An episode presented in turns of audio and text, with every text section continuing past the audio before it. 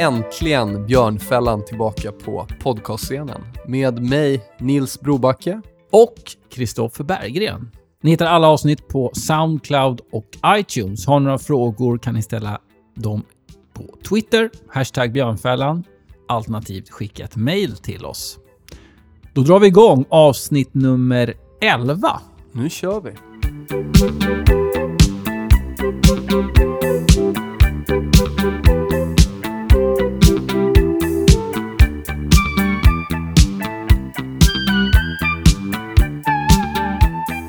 CMC Markets står inte bakom denna information som tas upp, utan det är vår generella research inriktad på områden med tillväxt. Vi lägger inte någon värdering i det etiska, utan tanken är att informera lyssnarna om en marknad som har en kraftig tillväxt. Då var det dags att prata om en eh, snabbt växande marknad. Eh, den här marknaden har till och med Founders Fund gått in i. Eh, Vilka är Founders Fund? Ja, de är väl eh, säga, en av världens största, eller ett av världens största VC-bolag, alltså venture capital-bolag. Eh, Peter Thiel mm. är ju deras CEO. Har ju träffat rätt rätt förut va? Ja, han är väl anses vara någon form av guru inom i VC-världen. Eh, de har gått bland, bland annat gått in i Airbnb, Spotify, de var tidigt inne i Facebook och så vidare. Men nu har man hittat ett annat område som man har valt att investera i. Eh, det här området den här marknaden bidrog, eh, om man tittar på Colorado då bland annat, eh, med 135 miljoner i skatteintäkter 2015. Det var en ökning med 78% från 2014. Eh, men innan vi går in på detaljer så tänkte jag att vi skulle få en liten historielektion här av dig Nils. Du gillar ju det här med historia. Absolut. Men vad är det vi ska prata om? Cannabis. Det stämmer.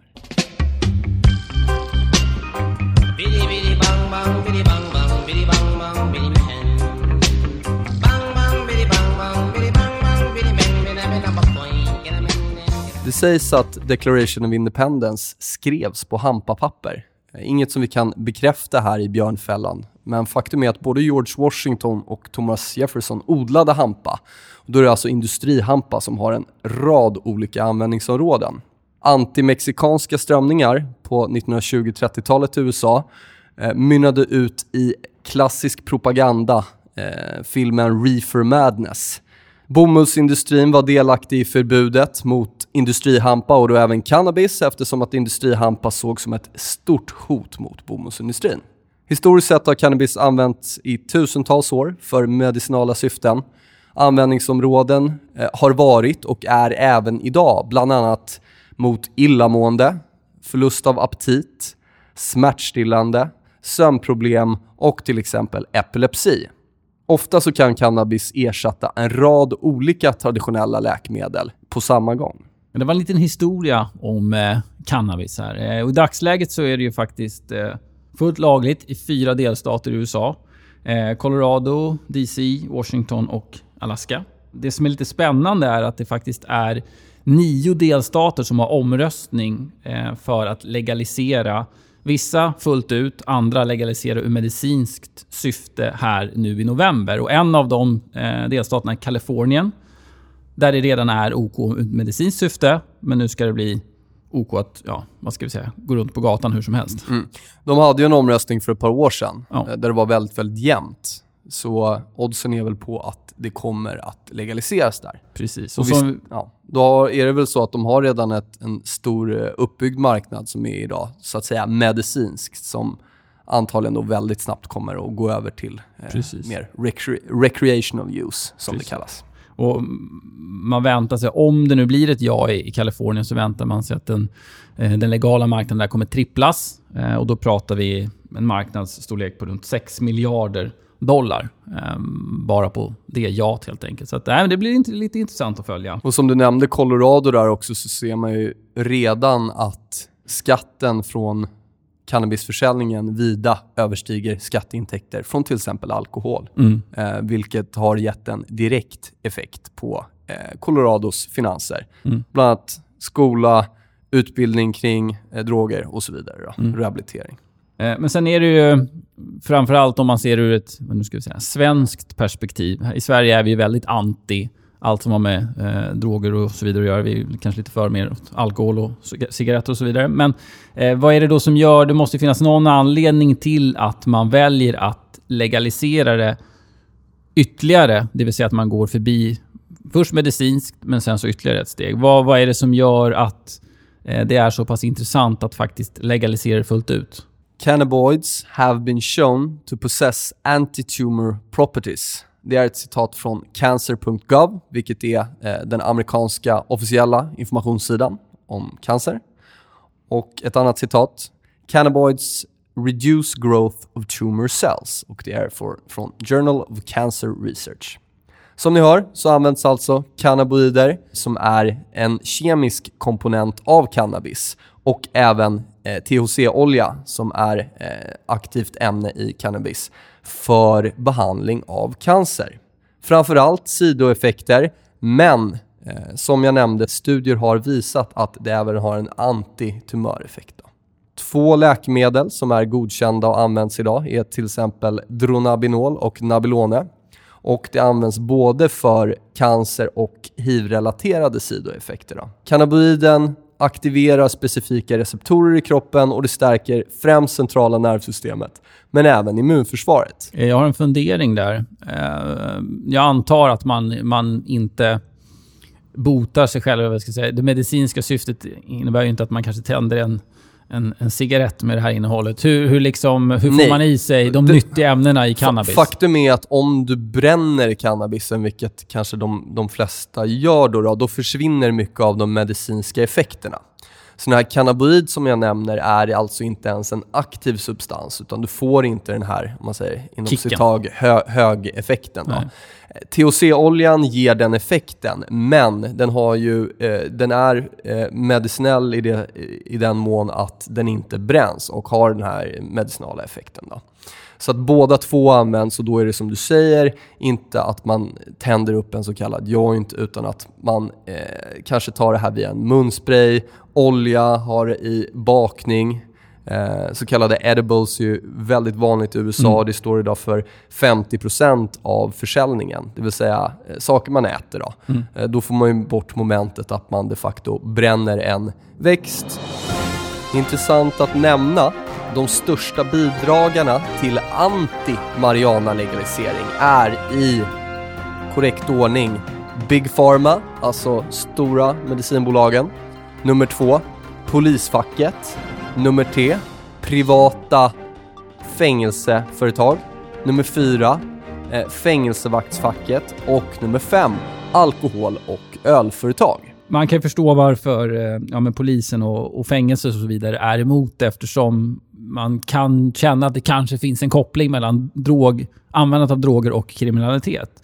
Men det intressanta är ju ettan och femman på listan mm. som förmodligen har ett egenintresse av att stoppa den här typen av legalisering. Jag skulle faktiskt säga att både nummer två, tre och fyra, alltså både polisfacket, fängelse, eh, fängelsevaktfacket men även de privata fängelseföretagen har absolut ett jätteincitament att det här inte ska försvinna. Och då inte någon moralisk eller etisk aspekt, utan det skulle de facto göra att mindre poliser eh, behövs, eftersom att de flesta gripanden i, i USA idag är eh, för... Att det är illegalt? Ja, exakt. Även Eh, fängelsevakter hade minskat otroligt mycket och även de här företagen hade ju inte alls haft samma typ av intjäning. Mm. Eh, för idag, i de flesta som sitter fängslade i amerikanska fängelser är eh, för, faktiskt för Mariana. Sen självklara då, Big Pharma och alkohol och ölföretagen. Alkohol och ölföretagen, ja, men det, är ett, det är ett substitut till alkohol. Eh, Big Pharma, det, det är rätt intressant. Nyligen gjordes en av de största bidragen till en anti-marijuana-legalisering i Arizona. Du nämnde Arizona som en av staterna som kan komma att legalisera. Eh, ja, de ska väl rösta nu i november. Då. Företaget heter Insys Therapeutics, kanske man uttalar eh, De är baserade i Arizona och eh, företagets främsta läkemedel, alltså det som stod för 100% av intjäningen under 2015, det heter subsysfentanyl och det är ett kemiskt framställt opiatderivat som är tiotals gånger starkare än vanligt heroin.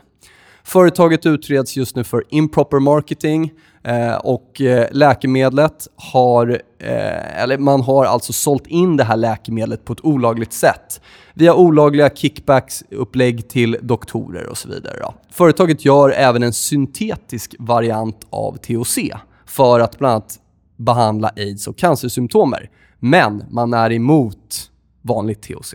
Okay.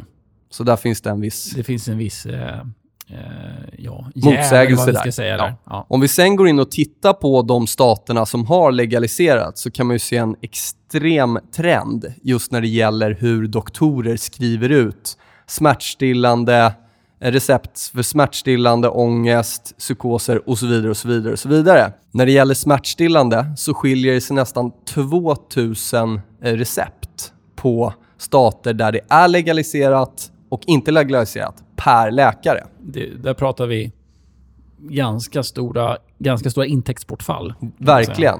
Även när det gäller, som vi nämnde då, eh, behandling för ångest, över 560 eh, fler i de staterna där det är legaliserat. Ah, det, det är, en, en, lång lista här, men det är mm. stor dis diskrepans i hur många recept som skrivs ut eh, kontra då om det är legaliserat eller inte. Mm. Sen 99 har Eh, överdoser från receptbelagda läkemedel fyrdubblats i USA. Varje dag dör cirka 50 amerikaner från smärtstillande överdos och eh, varje år så resulterar det i cirka 16 000 döda eller lite drygt 500 000 eh, sjukhusbesök. Jag vet inte om du är insatt i det här, men vad är de negativa om vi säger att så många dör av överdoser av smärtstillande och så vidare. Kan man på något sätt överdosera den medicin? Det är klart man kan det, men hur, vad är konsekvensen för att överdosera cannabis alltså när det är i sitt medicinska format? Vad jag vet så finns det inga kända exempel, varken när det gäller för om man säger recreational use eller i medicinskt syfte, ett enda fall där någon har överdoserat och eh, omkommit då, helt enkelt. Så det okay. existerar inga sådana fall vad jag vet. Okej. Okay.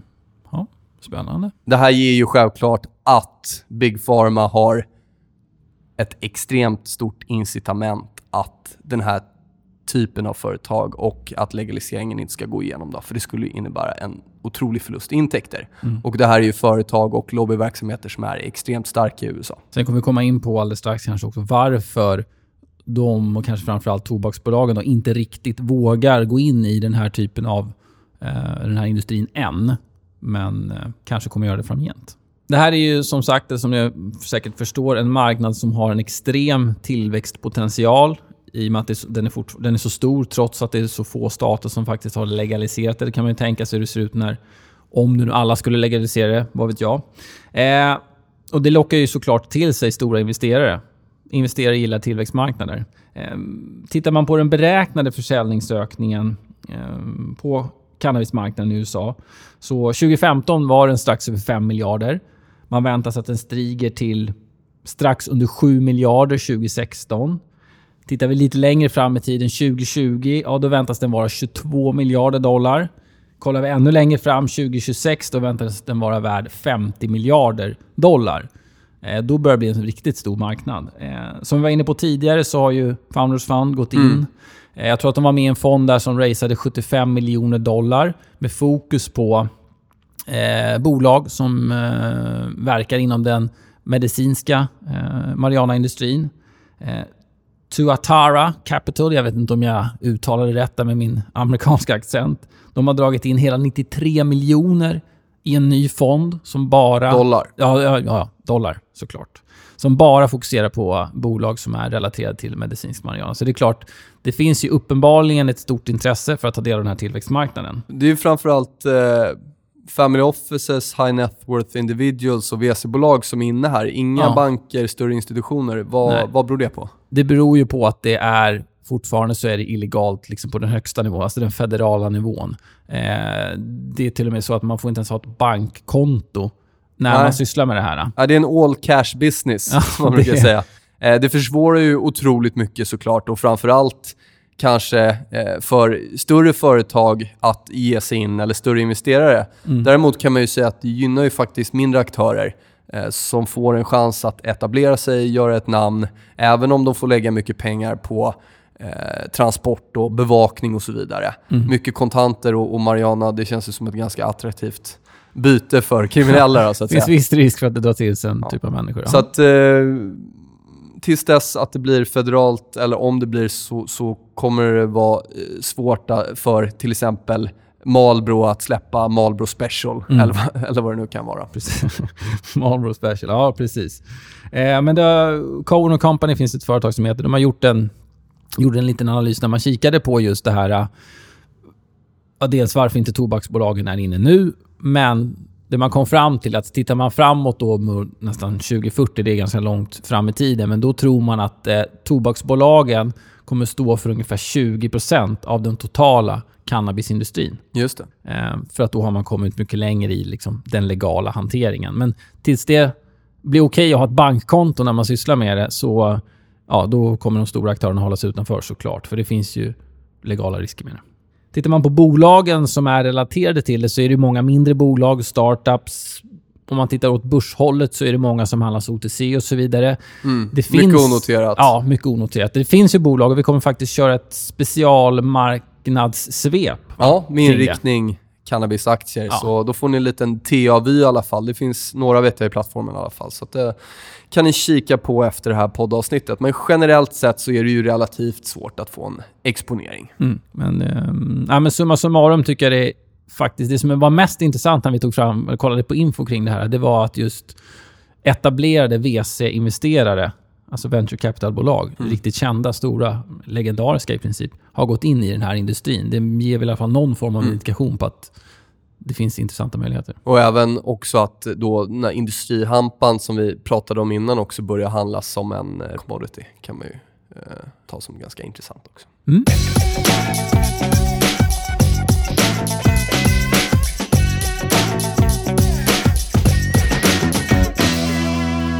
Så där, då går vi över till något helt annat skulle man faktiskt kunna säga. Vi ska prata om pensionsbolagens problem med de extremt låga räntorna och vad det kan innebära. Eh, jag frågade en, eh, en, en kollega kan man väl kalla det, eh, som är lite äldre än jag, om det här med framtida pensionen och hur han såg på det. Och det han sa till mig, jag vet inte riktigt hur jag ska tolka det, han sa köp konserver, träna på gröt. Du gillar väl gröt? redan? Ja, jo, jag käkar gröt dagligen, Ja. men jag vet inte, jag ska väl, man kanske kan tolka det som att han var lite orolig för sin framtida pension. Ehm, och vi ska komma in på lite varför den oron existerar. Eh, det är framförallt den traditionella pensionsförsäkringen det här rör. Tjänstepensioner alltså i fondförsäkringsskal, det vill säga där man gör de flesta av placeringarna själv, är inte drabbad av det här på Nej, samma det är sätt. klassiska Ja, livförsäkringar. exakt. Ja. Du betalar en premie och så får du en, en garanterad återbäring och så ska premien investeras och kanske förhoppningsvis ge ett lite extra återbäring och så vidare. Eftersom det är obligationsdelen som ska täcka så blir det ju ett problem när räntan inte existerar. Då måste ju bolagen hitta avkastning på något annat sätt. Eh, och problemen för svenska livbolag, det är att Eh, alltså den har uppstått på grund av att de har varit ganska kapitalstarka om man jämför med europeiska konkurrenter. Så att man... Man kan säga så enkelt att när man går in i olika typer av obligationsinvesteringar så gör man det med vissa med lite kortare löptid. Det gör att när de här obligationerna förfaller så förfaller de eh, tidigare än själva utbetalningarna vilket gör att man har ingen garanti för sina utbetalningar, det vill säga pensionsutbetalningar då till kunderna. Eh, och Det skapar ett problem för det ska tecknas nya, tecknas nya obligationer. När de tecknas så finns det ingen, ingen avkastning att få framgent. Eller den är väldigt, väldigt låg i alla fall. Eh, och de, bo, eller de länderna i eh, i EU som är, har varit mest edgy när det gäller placeringen i de här obligationerna. Det är Sverige, Tyskland och Österrike. Det är där det är störst obalans mellan löptidens förfall på obligationen och utbetalningarnas förfall. En förklaring är att svenska livbolag i dagsläget har en stark ekonomisk ställning och därför kan man ta mera risk. I Europa ligger aktieandelen runt eh, 10% och om vi tittar på Sverige så skiljer det sig ganska mycket. Där är det snarare uppåt en 40%. Ja, vissa ligger till och med över 50. Så det, och det är klart, med tanke på hur, hur utvecklingen har varit på börsen så har det varit fördel att vara exponerad aktiemarknaden såklart. Eh, som du var inne på så är det den ekonomiska ställningen i, i bolagen som har gjort det här. Och man, vi ska inte bli alltför eh, tekniska, men man, man benämner den här eh, ekonomiska ställningen som en solvenskvot. Man kan säga att det är ja, men tillgångarna som man har i form av sina alltså utbetalningsmöjligheter i relation till de skulderna man har eh, framöver. Eh, alltså de framtida åtagandena. Och det finns en lagstadgad kvot som är på 1. Eh, vi kommer komma in snart på var, var de flesta livbolagen ligger någonstans. Och det finns några som ligger lite kärvt till faktiskt. Eh, och det skapar en negativ spiral för dem. Men det kommer vi in på. Vi kikade lite på solvenskvoter där. Under finanskrisen så var snittet på 8, tror jag mm. va? Bestämt. Precis. Och eh, lagstadgade kravet är 1 som du säger.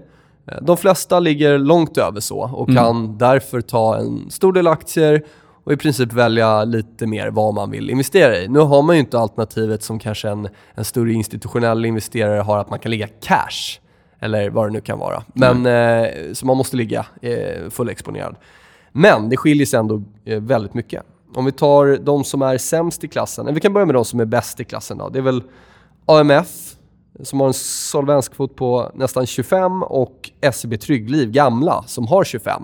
Mm. Men den går väl inte att teckna längre va? Nej, jag tror det. Och de, ja. Ja, de har även korrigerat ner sin, det gjorde man i somras, eh, återbäringen från 16 till 4 Så där, ja. Även de stora och trygga drabbas ju av, av det här. Men de som och du kommer ju nämna dem nu, mm. de som ligger lite sämre till i två alltså. Framförallt, eh, Länsförsäkringen ligger på 4,2 vilket är näst sämst. Men framförallt SPP som ligger på 1,7. Mm. Det innebär att man i princip bara kan ha ränta. 90-10 blir väl fördelningen.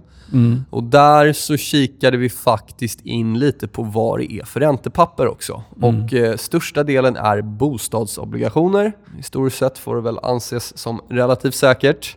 Ja. Eh, näst störst andel statsobligationer, men inte långt där under kommer corporate bonds. Så vi mm. ser ju att då är man inne inne och jagar avkastning och därmed mer risk. Mm. Eh, för er som vill ha en uppdatering om det körde vi ju en, ett poddavsnitt i våras om just, just Eh, corporate bonds och high yield och riskerna Precis. där. Och, och, Det som var intressant, nu ska vi säga att det här är siffror från början av 2015. Just det. Eh, så det, har, det kan säkert ha ändrats en del. Men det som var intressant där var att man hade letat sig det fanns inga AAA av logisk mm. förklaring. A, dubbel A var en del. Men man hade letat sig ända ut på non-investment grade-skalan. Inte så extremt stor andel i relation till totalen, men ändå att man väljer att gå så pass långt ut mm. på riskskalan för att få avkastning. Om man bara kollar snabbt på avkastningen förra året för de här livbolagen. Tar vi då eh, LF som också har en ganska låg solvenskvot i, relation till de andra så ligger de på 1,4 procent årlig avkastning. Det. Eh, det är en konsekvens av den, den lilla exponeringen mot och framförallt aktiemarknaden. Det negativa då för eh, kunderna i den bemärkelsen det är att det är svårt för, för bolaget att skapa någon överavkastning, vilket gör att det är svårt att höja återbäringsnivåerna. Eh, det är svårt att hålla hyfsat höga, stabila återbäringsnivåer. Vissa företag jobbar med att det svänger lite mer. Man har högt och sen så får man sänka och så vidare medan andra, typ Folksam, väljer att ligga betydligt mycket mer stabilt. Eh, har man buffert så har man buffert för att kunna täcka upp dåliga år och så vidare. Men för de här bolagen så Ja, men de har ju hamnat i en negativ spiral. De kan inte öka aktieexponeringen. De får inte göra det. Ja, svårt att få avkastning på det sättet. Om vi nu ska vara lite negativa här och så säger vi att det blir en väldigt kraftig sättning på börsen.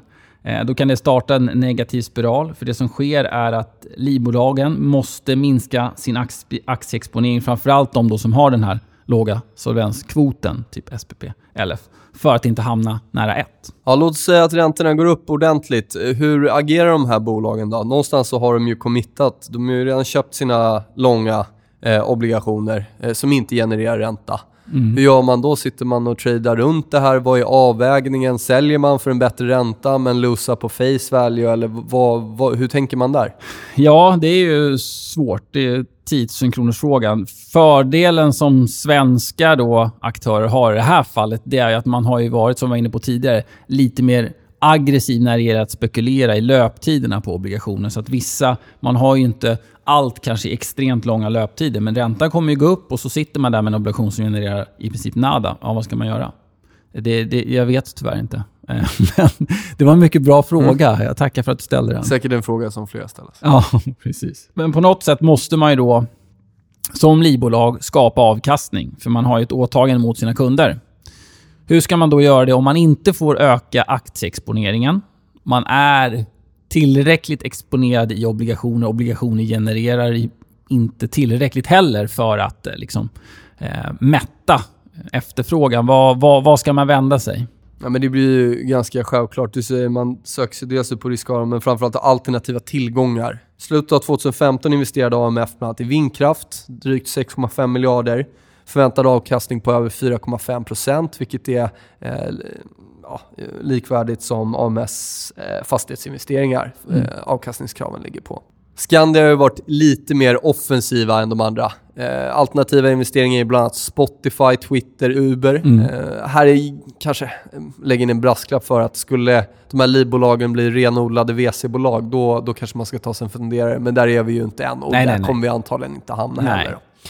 Förhoppningsvis är det inte bara en bra avkastning utan även eh, självklart så kan det ge tillväxt på kapitalet i de här startupsen.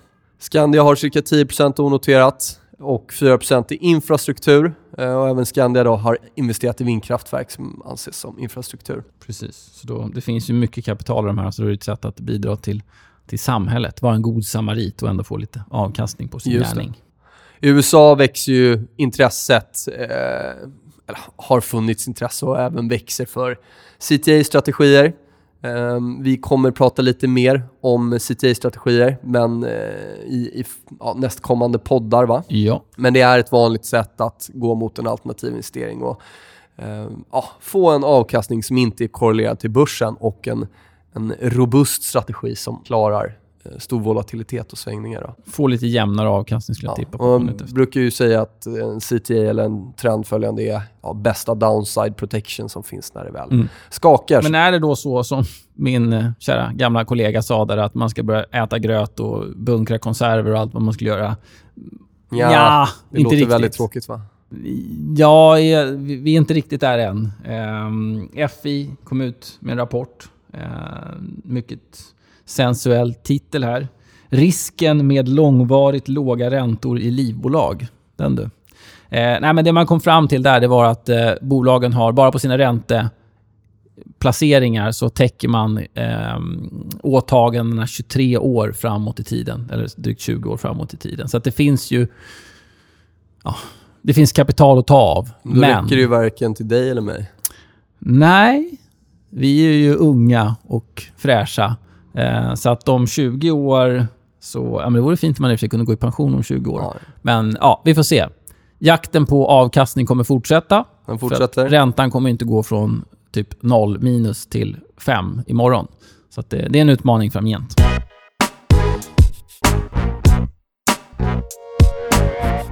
Vi har haft ett eh, litet uppehåll här eh, av podden som ni trogna lyssnare säkert har märkt av. Det har varit sommar och lite annat mm. som har kommit emellan. Men vi, Kul med mycket frågor som har kommit Precis, in. det har mm. kommit in några frågor på, på vägen här och eh, vi ska väl ta några av dem nu. Ja, mycket är ju kring samma, samma ämnen, men vi valde ut några här som, några som, är lite annorlunda. Ja, roliga tycker vi. Ja.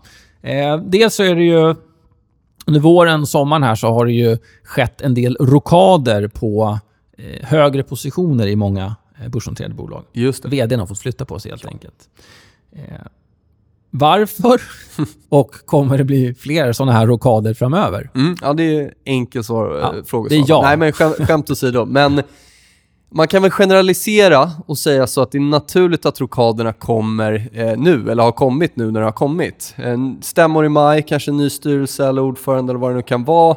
Man tittar under sommaren, vad är det här en vd vi vill ha med oss? Eh, nej, vi, vi byter ut den. Och så byter man inför hösten. Mm. Så, eh, ja, nu, nu blir det väl så för att jag säger så, men troligen kommer det inte vara lika mycket vd-byten i höst, utan det är någon typ av säsongsmönster att det ofta kommer mm. de här bytena.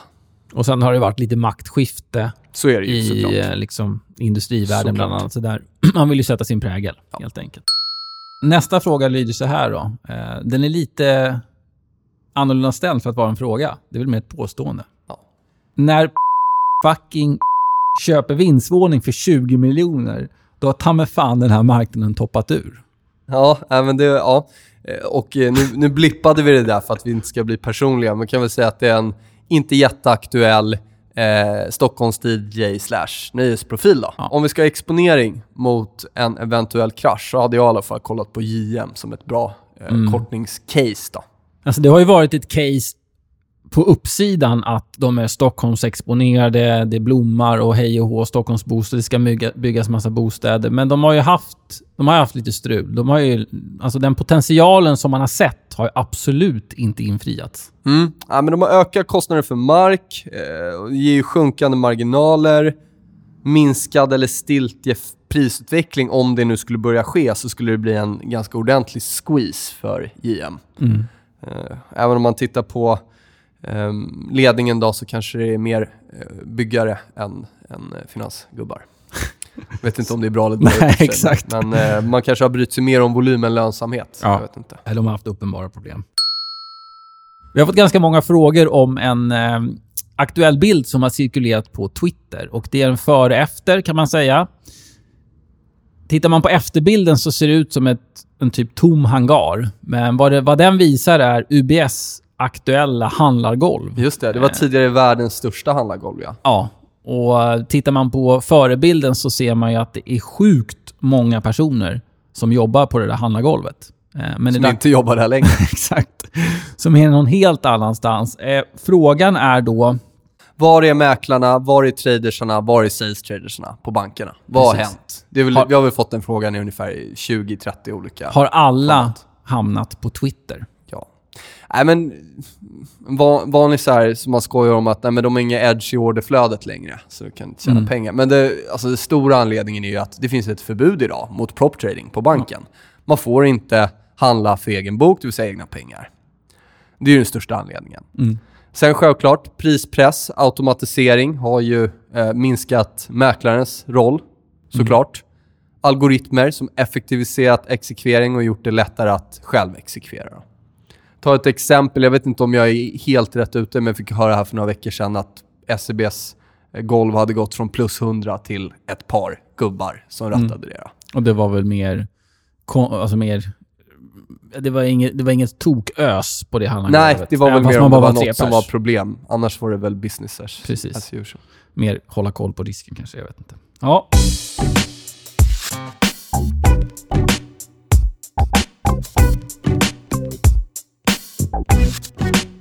Vi har pratat lite om eh, investmentbolag här på kontoret faktiskt och framförallt de bolagen i investmentbolagen som kanske inte är de uppenbara investeringarna. Eh, och vad som är lite roligt, det blev som ett sammanträffande, det är att min kära kollega Nils här har blivit vi ska inte använda ordet missbrukare, men han är starkt eh, attraherad av en specifik app. Eh, Fodora, va? Ja, nej men eh, så, jag som alla andra har ju sett den här rosa, eh, rosa loggan som cyklar runt på stan överallt och sen ett par veckor tillbaka Vi kanske så, säga alla andra som bor i Stockholm. Ja, då. nu, så, nu generaliserade jag grovt där. Men eh, sen några veckor tillbaka så började jag prova tjänsten. Eh, spelade lite fotboll och drog knät ur led, så jag var, jaha, hade lite svårt att gå och köpa mat.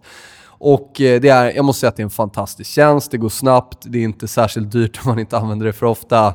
Eh, ja, väldigt, väldigt bra tjänst. Något som vi inte har haft i Sverige egentligen. Det här att man kan få, inte bara för någon trött lokal pizzeria, utan faktiskt schysst mat utkörd snabbt. Då. Mm. Sen är det ju, vad jag förstått, begränsat till stadsdelar och sådär. Så att jag, Ja, jag får jag- ju mitt från Kungsholmen, men det, det funkar rätt bra ändå. Jag som bor utanför citykärnan får ju tyvärr inte beställa någonting. Ja, det är ju så pass. Ja. Eh, ja. I alla fall, hur får jag en exponering mot det här tänker jag då? Och Mm. då visar det sig såklart att det var fantastiska Rocket Media som äger Fodora och i sin tur Kinnevik äger ju Rocket Media. Mm.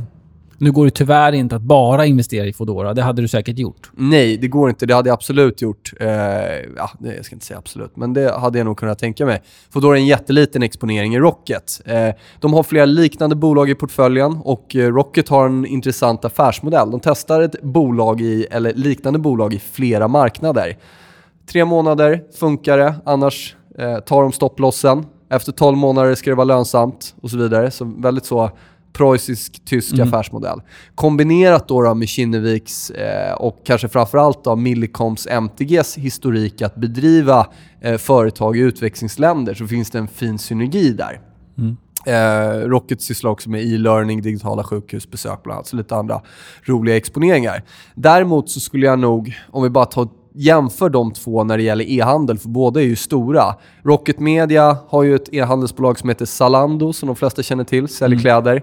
Eh, vad jag har förstått ett välfungerande och eh, ja, vä- väldigt duktiga på det de gör.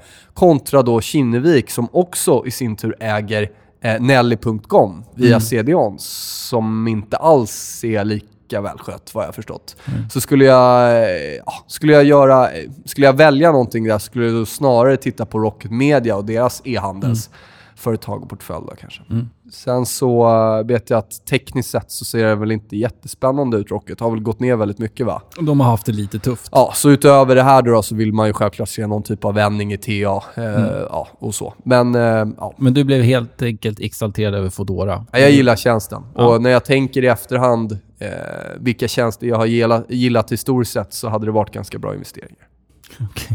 Men det är ganska intressant hur man faktiskt kan hitta investeringsmöjligheter. Att är det någonting som man tycker här är en riktigt schysst tjänst. Ja, men ta reda på vad, vem, för, äg, vem som äger företaget. Mm. Och nu visar det sig att det var Rocket och Mm. det går att investera i det. Mm. Säg att det hade varit en väldigt stor del av Rocket. Ja, men då hade det kanske blivit en bra Mm. exponer eller investering om det nu Foodora växer kraftigt. Så det är ett perfekt sätt att hitta. Vi pratade lite om det här med vd-rokader tidigare när vi svarade på frågan där. Och ett bolag som haft en vd-rokad där man kanske har väntat på det ett tag Mm. är ju den forna stjärnan eh, Ratos som nu är extremt nerpressad. Mm. Eh, där tog ju Byggmax VD, kommer Byggmax VD, ta över rodet så att säga. Efter Susanna Campbell som fick gå då. Mm. Är det köp eller säljsignal? Alltså den, den gick ju faktiskt upp initialt på Ja. det, sen har den kommit ner igen och vi pratade om hur den här såg ut tekniskt i tidigare aktiesvep och så. Mm. Den är sjukt svag. Ja, svepet från i tisdags kollar vi på den tekniskt. Jag, jag tycker det finns rent TA-mässigt, eh, om vi kan börja bygga en botten här, så, så ser det spännande ut även i den aspekten. Det vi tänkte nämna nu, för, framförallt det fundamentala caset. Jag lyssnade runt i alla fall lite och de som kan sånt menar på att fundamentala caset är väldigt starkt. Dels eh, så är det i princip värderat till book value då. Bra utdelning, 6,5%, mycket kassa och börjat plocka in nya spännande bolag i portföljen. Mm. Eh, bytet av VD får anses som bullish. Eh, Det vill säga positivt. ja, eh, större investerare eh, har kanske inte riktigt förlåtit föregående VD Mm. för eh, dåliga affärer. Det var framförallt i... För, Oljeservicebolaget, ja ni vet, Ibel. ja, där var Norska. tajmingen inte så bra. Ehm, ja, man har kanske väntat då på att kliva in inför ett, ja, ett vd-byte och nu, nu har så skett då. Sen kan man ju nämna också att man brukar prata om att Arne hade en, eh, ja, det var Arne var Ratos då. Eh, nu kom ju han och fick en, efter ett uppköp av en annan, ett annat investmentbolag, hade han en väldigt fin portfölj och många fina bolag att avyttra. Mm. Så när han hoppade hade han ju i princip sålt alla fina bolag och så var det inte så Några fanns väl kvar, men det, Ja. de hade gjort många, många fina Ja, exits ja, och bra marknad hade han Ja. haft också. Ja, vad är det negativa då om vi ska se från båda sidorna? Man kan väl generalisera relativt konservativ ägarfamilj och även personal. Ganska likriktad profil. Tänk Handels, Cambridge, McKinsey. Eh, man kan dra en parallell där till eh, trading. Teoretiska backtestkurvor ser ju fantastiska ut i teorin. Bygger ofta kanske på många antaganden och eh, funkar inte riktigt lika bra i riktiga världen. Live i live och så vidare. Oj. Ska vi förtydliga? Menar du att man inte bara ska slänga in siffror i en snurra och sen så kommer det ut ett värde, eller hur? Ja, kanske något sånt. Typ. Och sen right. också ganska, eh, ja, man kanske behöver lite olika spelare i ett lag. Precis. Sådär, det var det elfte avsnittet av Björnfällan, In the bag. Tack Kristoffer. Eh, tack Nils.